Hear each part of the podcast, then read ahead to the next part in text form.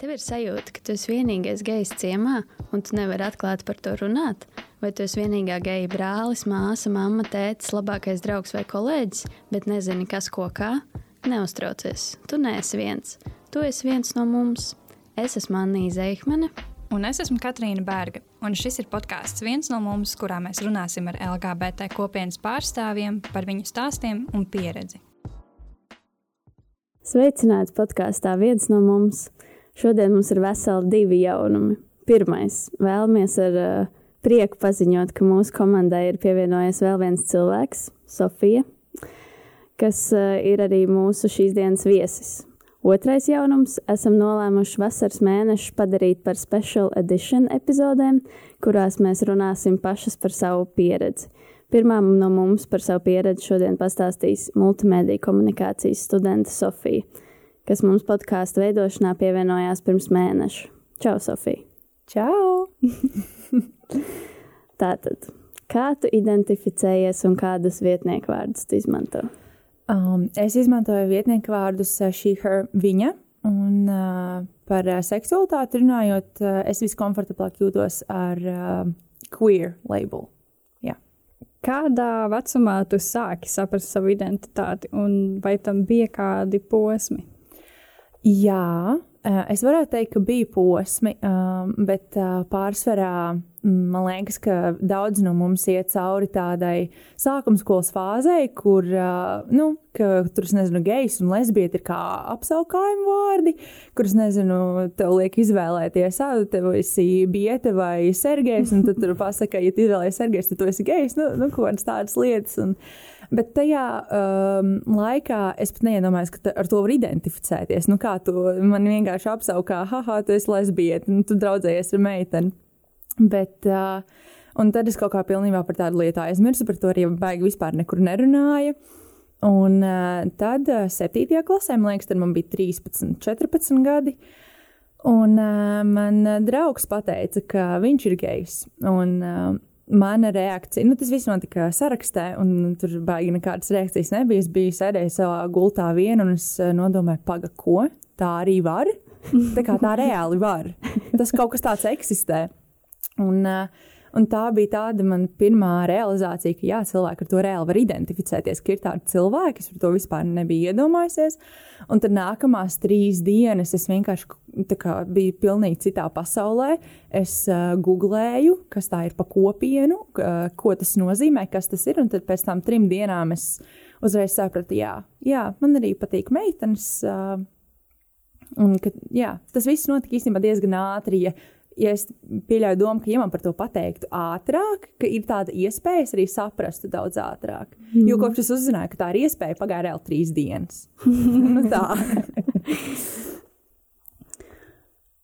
Vai tev bija grūti pieņemt sevi, pieņemt so, šo, savu, šo savu jauno identitāti? Šajās trīs dienās. Īstenībā nē. Jo, uh, jā, es jau iepriekš teicu, nu, man vispār apkārt par to nekādas informācijas nebija. Ģimene par to nerunāja. Es pat nezināju, ka kaut kas tāds eksistē. Līdz ar to es pat nezināju, kā, kādas ir uh, viņu reakcijas, vai nu, kurš pat reakcijas, bet uzskati. Un uh, pieņemt man bija īstenībā ļoti viegli, jo nu, tajā laikā man uh, bija diezgan salīdzinoši nu, maz draugu, ko ir trīs tuvākie cilvēki. Uh, Un uh, visi tā viens pēc otra tajā vecumā sāka man teikt, jā, tur es esmu gejs, es esmu biseksuāla. Un es biju viena no pēdējām, kas reāli to pēc tam pateica maniem draugiem. Līdz ar to tāds posms, kur es biju tāds jauns pusaudzis, man, protams, nu, arī visiem jauniešiem ir daudz svarīgāki draugi, nevis ģimene.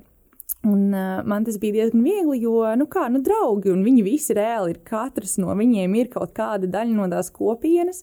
Līdz ar to tas bija diezgan viegli. Tur arī tās visas uh, coming out, tie stāsti.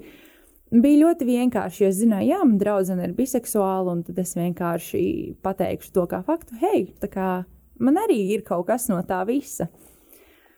Jā, un uh, kopumā tas bija tiešām, tiešām viegli, uh, pārsteidzoši. Um, bet nu, tālāk tur ar ģimeni bija bišķīt uh, citādāk, bet uh, jā. Galvenais, ka tas self-journey nebija tik mokošs. Un, un, un... nelikās tik. Nē, nē, nē, bija, bija tiešām ļoti ātri, ļoti viegli. Bet tas izklausās tik forši, ka vienkārši tā uh, nejauši uzreiz jau nonāc draugu gru grupā, kas visi ir uh, queer. Gribētos tādu draugu. Palaimējās. Un kas bija pirmais cilvēks, kam tu iznāci no skapja? Nu, es pieņemu, kāds no šīs draugu grupas jā, vien. jā, noteikti. Es pat īstenībā neatceros, kā tas viss notika. Jo man tas arī likās tik pašsaprotami. Nu kā, nu man ir tie trīs cilvēki apkārt, un viņi arī ir no tās kopienas. Līdz ar to tāpat nebija tāda lieta, ko es tur baigi atcerētos.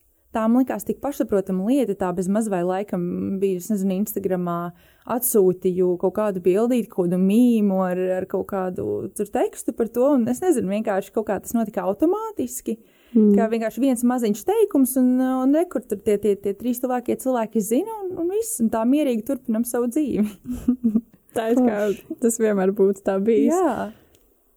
Nē, nu, no vienas puses tam arī tā būtu jābūt. Tā ir kā tas vienmēr būtu bijis. -hmm. Un kā tev gāja ar ģimeni? Uh, nu, ar ģimeni uh, gāja no vienas puses ļoti interesanti, no otras puses ļoti atvieglojoši. Um, nu, pirmais, uh, pirmā saskarsme, kuras vispār sāku skatīties arī uz manas ģimenes reakciju, bija mirklis, kur es jau sāku domāt, nu, varbūt man būtu arī par sevi jāpasaka. Uh, Es uh, skatījos kaut kādus YouTuberus un, un vispār mēdījos par to sāka vairāk runāt kaut kādā 16. un 17. gadā. Un, um, jā, un tad uh, tur es klausījos kaut kādus tur coming out stāstus, kādam tur nepaveicās un kādu izmet ārā uz ielas, kādam viss ir kārtībā un tur viņi uzcep varavīksnes kūku un es visu laiku kaut kādus tur stāstus dzirdēju. Un es sapratu, hei, kā būtu maniem vecākiem viņiem jau arī nu, būtu kaut kādā mirklī par mani jāuzzina. Nu, varbūt ne tagad, varbūt pēc pieciem gadiem. Es nezinu, ko es atvedīšu mājās. un, um, un tā, un uh, pirmā tāda saskarsme ar uh, vecāku reakciju bija. Mēs ar tām pašām draudzenēm no tās uh, septītās klases draugu grupiņas bijām nopirkuši staigerītī tādu mm, varavīksnes skočiņu. Un mēs viņu uzlīmējām uz ētalona. Nu, kā nu, vienkārši varavīgs skočiņš uz etalonu, viss forši atnāk mājās, uzliek etalonu uz galda, dzīvoja mierīgi tur eh, mājas dzīvi. Uh, pie manis un māmas atbrauc tēvs ciemos, un viņš ieraug to manu etalonu. Un viņš pie manis tā kā ar etalonu atnāk un parāda, tu zini, ko tas nozīmē? Tu zini, ko nozīmē tā varavīksne? Es, es tādu tur spēlēju, ko stulbu, un es ne, es nezinu. viņš tādu, tas nozīmē, ka tie ir geji un viņus atbalstīt nedrīkst, tad tur aizgāja visi tie teikumi, ka tas nav dabiski, tas nav pareizi, un nu, tur um, nekas arī jauns dzirdēts nebija. Mēs, ah, labi, labi. Nu, ar uh, tēvu, man liekas, es par šo nerunāšu, vēl joprojām arī neesmu ar viņu runājis par to, un viņš arī nezina, es domāju, ka Uh, skatoties šobrīd, arī varbūt viņam nebūtu nepieciešamība vispār par manu identitāti zināt, jo nu kāpēc. Nu, tā tur uh, tādas, uh, tādas uh, domas par to, ka, jā, nu, ja precēšos ar sievieti, varbūt uh, viņš pat nevēlēsies nākt uz kāzām, un uh, man būtu īstenībā diezgan ok ar to. Ka... Jā, un ar mammu tas uh, coming out stāsts ir. Uh, tāds ļoti, arī ļoti foršs. Man īstenībā ļoti patīk to stāstu stāstīt. Visiem pēc tam ir tāds reiz encouraging, ka tomēr var būt arī labi. Um, tas, tā, tā, tas bija maijs pirms trīs gadiem. Un, uh, tobrīd es draudzējos ar vienu cilvēku, kam ļoti patika šūt. Un uh, es tieši domāju, hei, šis ir reāli pirmais gads, kur eh, ne tikai tie mani trīs tuvākie draugi zina par manu identitāti, um, ka kā, to zina reāli nu, daudzi man apkārt jau. Tur kā paziņas, es nezinu, klases biedri, cilvēki, kas man seko Instagramā, ka es to pārstāju tā slēpt. Es domāju, nu, es nezinu, kā to visu baigi tā kā coming out, es vienkārši pārstāšu to slēpt, bet tomēr kaut kā es uzskatīju, ka man tas ir jāpasaka mammai. Un tad es ar uh, draugu aizgājām uz to audumu veikalu, kas bija ar tur imantā dammē, pastaigām mierīgi, tā kā žulīgājām. Un veikalā nopirkām uh, karoga krāsiņas, un to brīdi es izdomāju, nu, laikam tad uh, es identificēšos kā biseksuāli, to arī būs manai mammai vieglāk saprast. Uh, un tad mēs aizgājām uz šuvām karogu. Uh, man tas karogs vēl joprojām skapī stāv, ikoniski skapī stāv mans karogs. Un, uh, jā, un tad uh, mēs uzšuvām man, manu karogu, viss tur samērījām, nodiedzām, viss bija ļoti skaisti, klausījāmies kaut kādus LGBT mūziķus fonā, vispār ļoti skaisti idili un vēl silts mājas skaisti. Un tad es nāku mājās.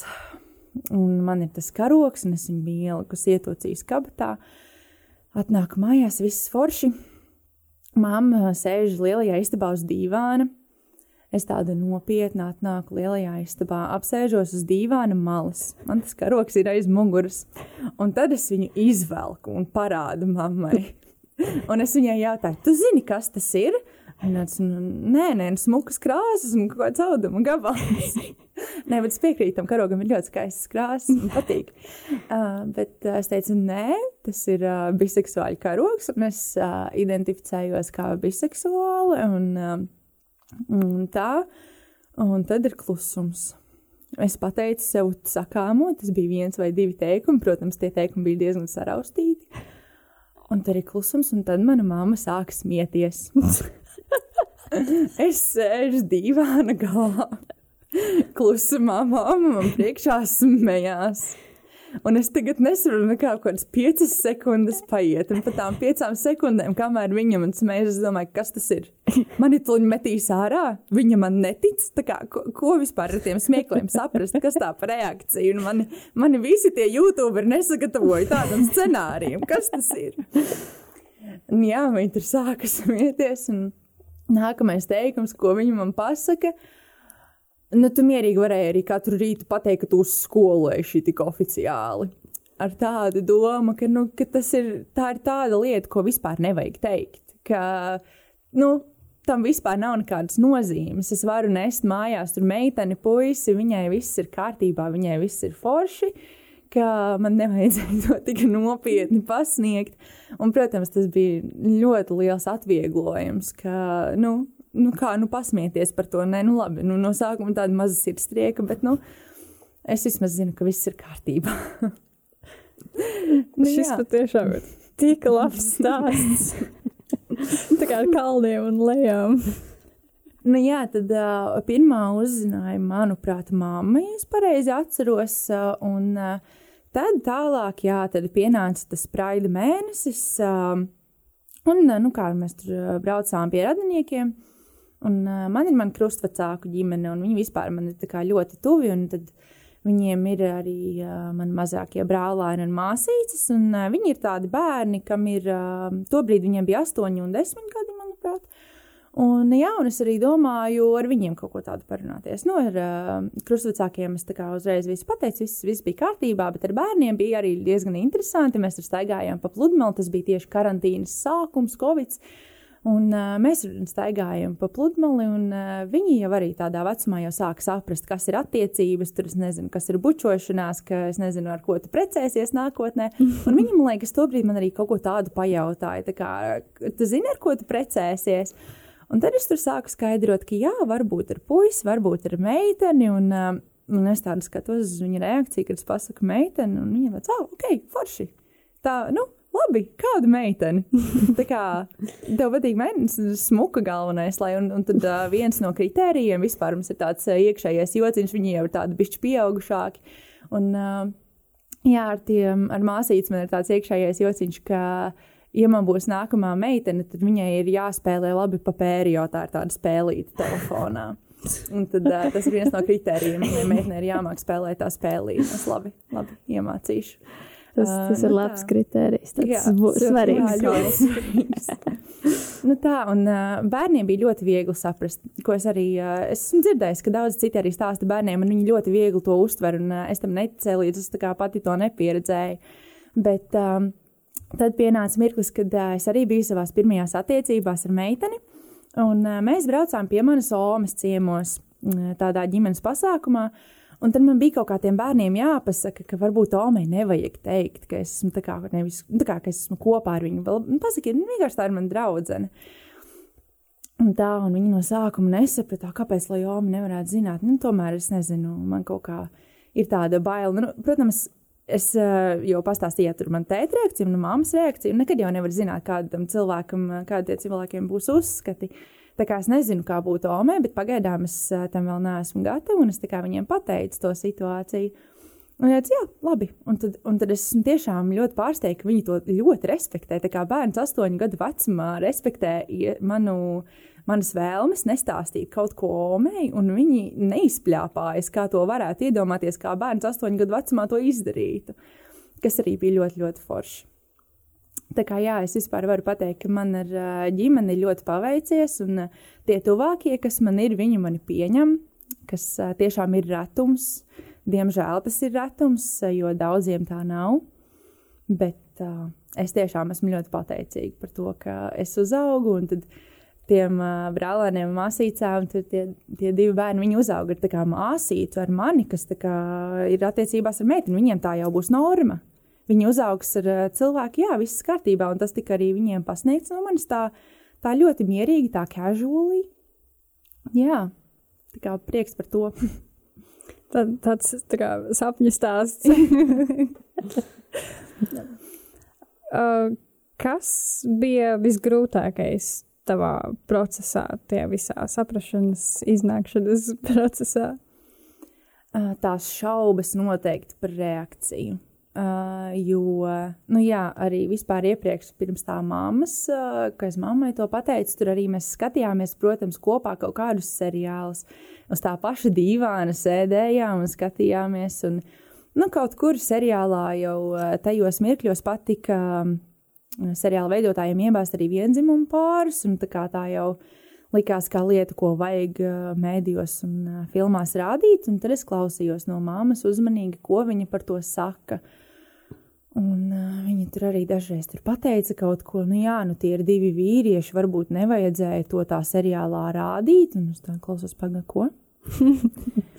ko tur, nu, kā, kā tu to domā? Un tad tur bija arī kaut kāds lesbiešu pāris, un es, jā, smuks pāris, viss kārtībā, bet nu, viņām nevajadzēja to bērnu tur šitā, nu kaut kādus tādus komentārus, un es nevarēju saprast, vai viņi domā, ka viņiem vienkārši attiecības ir toksiskas tādas, nu, vienkārši, vai tāpēc, ka viņi ir uh, viena dzimuma, un kā visu laiku mēģināja kaut kā filtrēt. Un, Grūtākais pirms tam tiešām bija tas uh, paredzēt to, to reakciju, lai būtu iekšējai kaut, kāds, um, kaut kāda drošība, kaut kāda paredzamība. Jo man liekas, tas ir ļoti svarīgi daudziem uh, no kopienas kā, saprast, ko gaidīt. Un tas noteikti arī uh, man bija viens no faktoriem, tādas bailes par nepieņemšanu. Un tieši otrādi, kas bija tavs vislaimīgākais brīdis? um, cilvēku pieņemšana. Es tiešām biju ļoti patīkami pārsteigta, ka cilvēkiem apkārt ir tik pieņemoši. Nu, protams, es ticu, ka ļoti daudzi sagaida vienmēr sliktāko. Un, uh, lai būtu tāda drošība un saprastu, tad uh, tu gaidi to sliktāko, un tad esi sagatavots tam sliktākajam. Bet, bet jā, tas noteikti tas labākais bija tas, ka es sapratu, ka cilvēki man apkārt ir daudz pieņemošāki nekā es gaidīju, kādi viņi būs. Jā. Tas izklausās pēc ļoti jauka pārsteiguma. Tas arī bija. Jā. Tas izklausās ļoti inspirational. Teicu.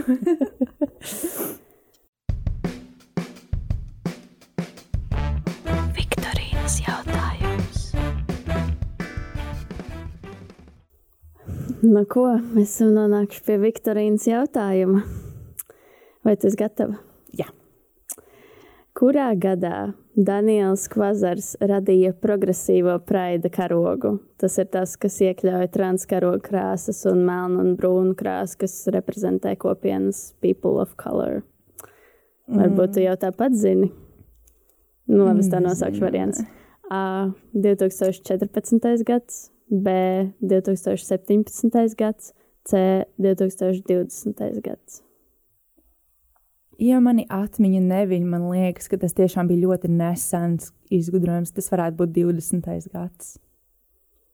Nē, tu, tu, tu, tu. Es, es tagad varu minēt. Mini. 17. jā. Oh, God! Tur jau tā palika tikai divi varianti, bet jā, 17. ir īstais. Man arī likās, ka viņš ir nesenāks, mm -hmm. bet uh, 17. Jā, viņi izdomāja, un tad 18. viņš jau tāds. Jau plivinājās. Jā, Visur. Visur, kur var. Laiks skrien, es atceros, ka viņš tiešām bija tik, tikko nesen tāds. es arī būtu minējis Mhm. savā vietā 20. gadu. Mm. Uh, ejot tālāk, tu esi diezgan, kā jau tu minēji, publiski atklāta par savu seksualitāti. Es zinu, ka tev ir arī TikTok konts, kur to var jebkurš uzzināt. Un, uh, kā tu nonāci līdz tik uh, publiskai atklātībai? Tev nebija kaut kādā brīdī tā, ka, ok, man tuvākie zina, bet tā kā pilnīgi publiski internetā tev negribās būt. Nu, jā. Um, man personīgi laikam tas bija tas, ka cilvēki, kas man rūp visvairāk, mani pieņem, un cilvēki, kuru viedokli es tiešām respektēju, mani pieņem, un par pārējiem ir reāli vienalga.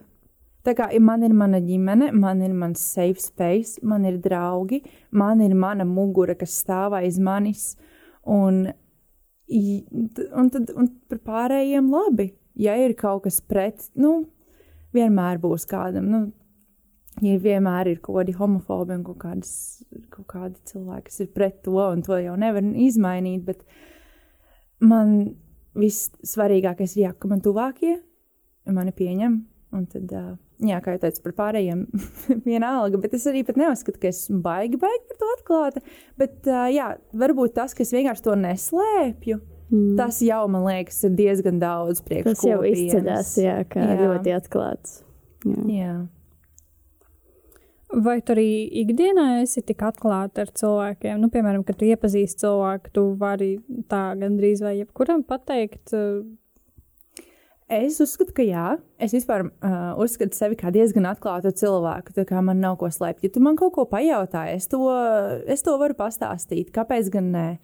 Um, tā kā man vispār ļoti patīk komunikācija, un, ja kādam vajag kaut ko par mani zināt, uh, kāpēc gan nē?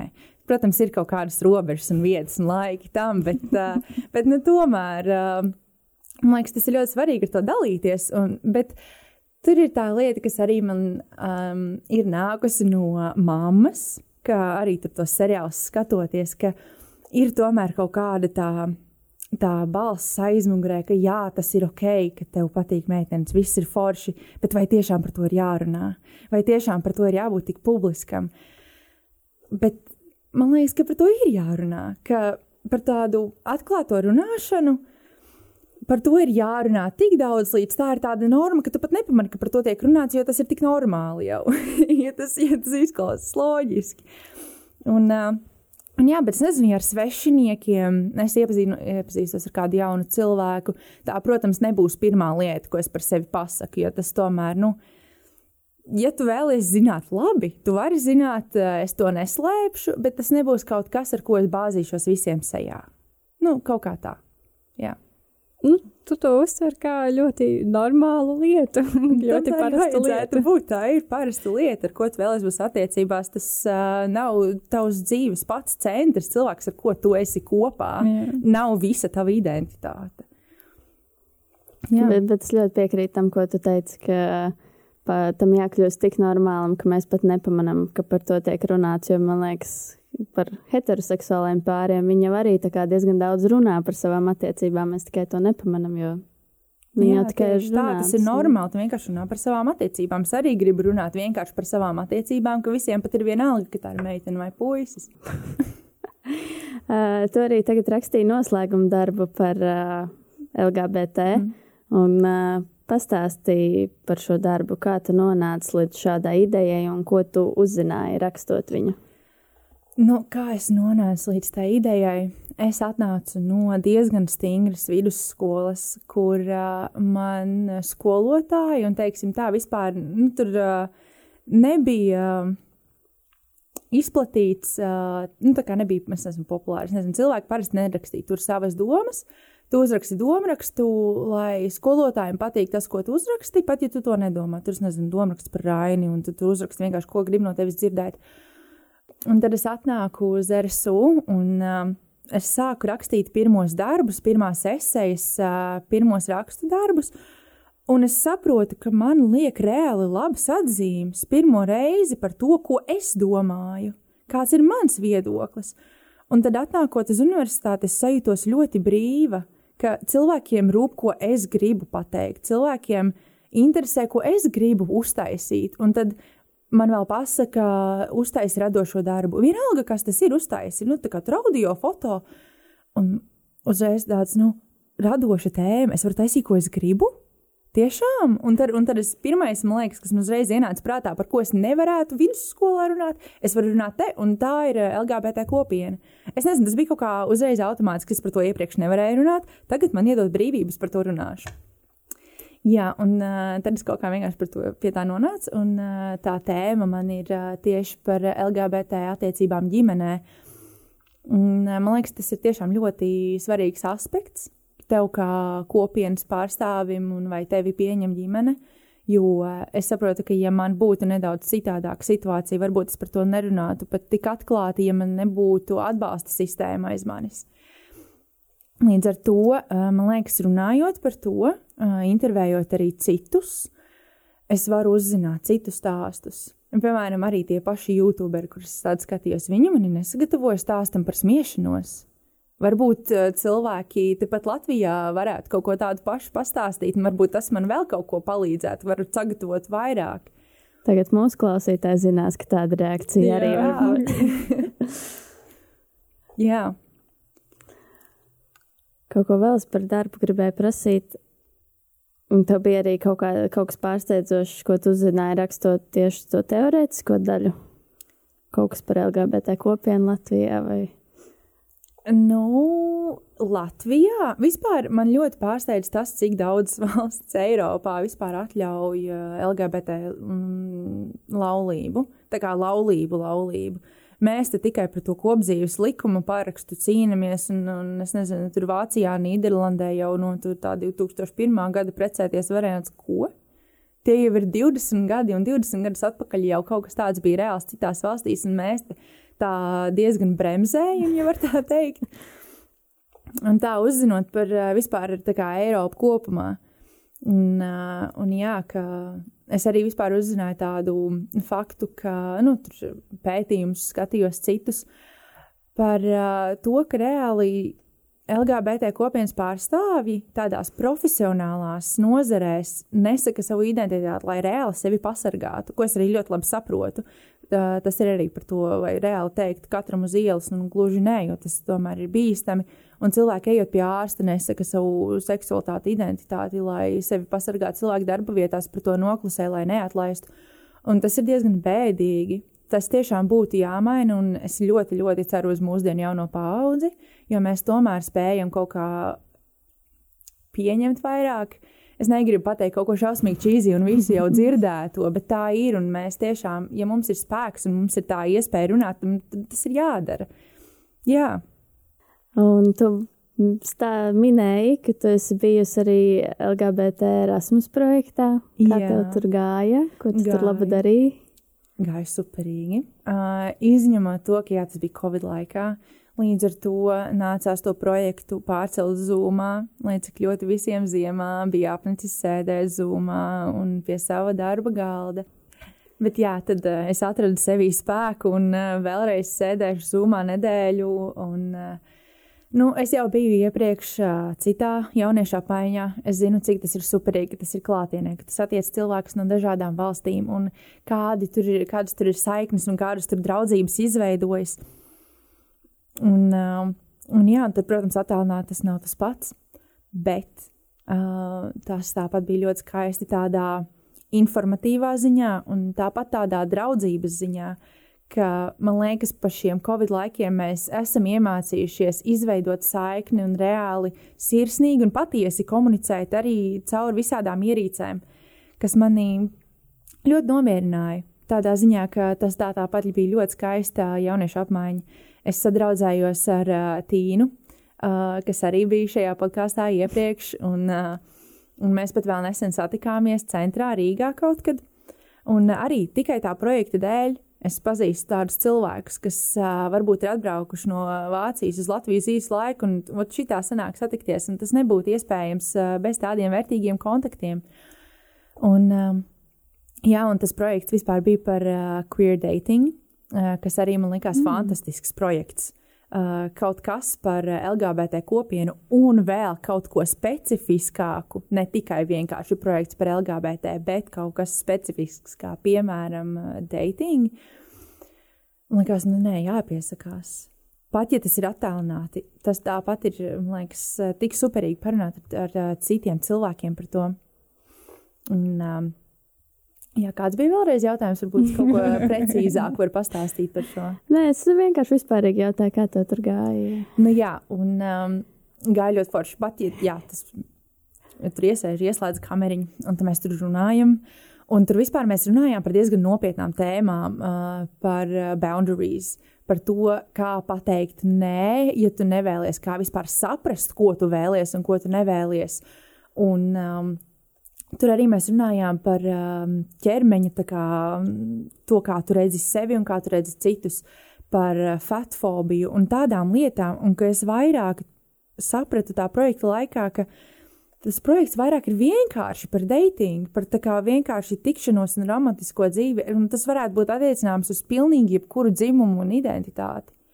Bet tas, ka tas bija tieši par LGBT kopienu, tas uh, kaut kā mūs vairāk apvienoja tādā ziņā, ka mēs zinām, ka tas ir grūtāk. Ja tev ir kaut kas, kas varbūt nav tik normalizēts sabiedrībā, un ka tomēr ir tās lietas, kurām ir jāpārkāpj pāri, piemēram, ja tev ir nezinu, lieki kilogrami, par kuriem tu pats nejūties labi, un tad varbūt ka citam cilvēkam tu nepatiks tādēļ.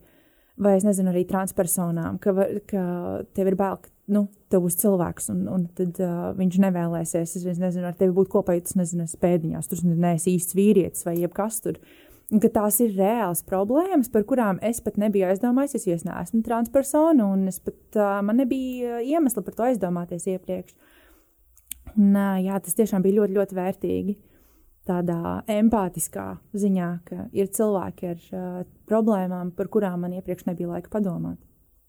Jā.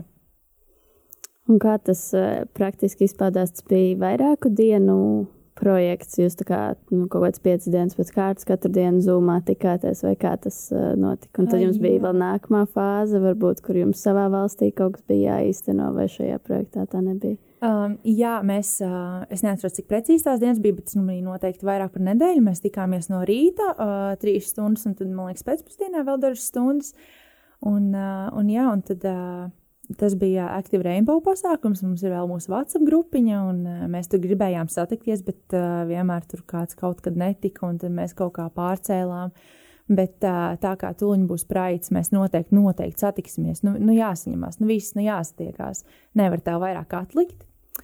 Um, Un, mums arī bija pēc tam kampaņas jātaisa, kas bija tur Instagram posti par visādām tēmām. Uh, arī par feminismu, par to, ka es nezinu, tu esi transpersona, kas ģērbjas, nu, pieņemsim, trans vīrietis, kas ģērbjas sievišķīgi. Nu, nu, tā kā tādas lietas, ka tas viss ir ok. Un uh, manai grupiņai bija tēma tieši par uh, abusive attiecībām, ka kā vardarbības uh, ģimenē nešķiro pēc dzimumiem arī.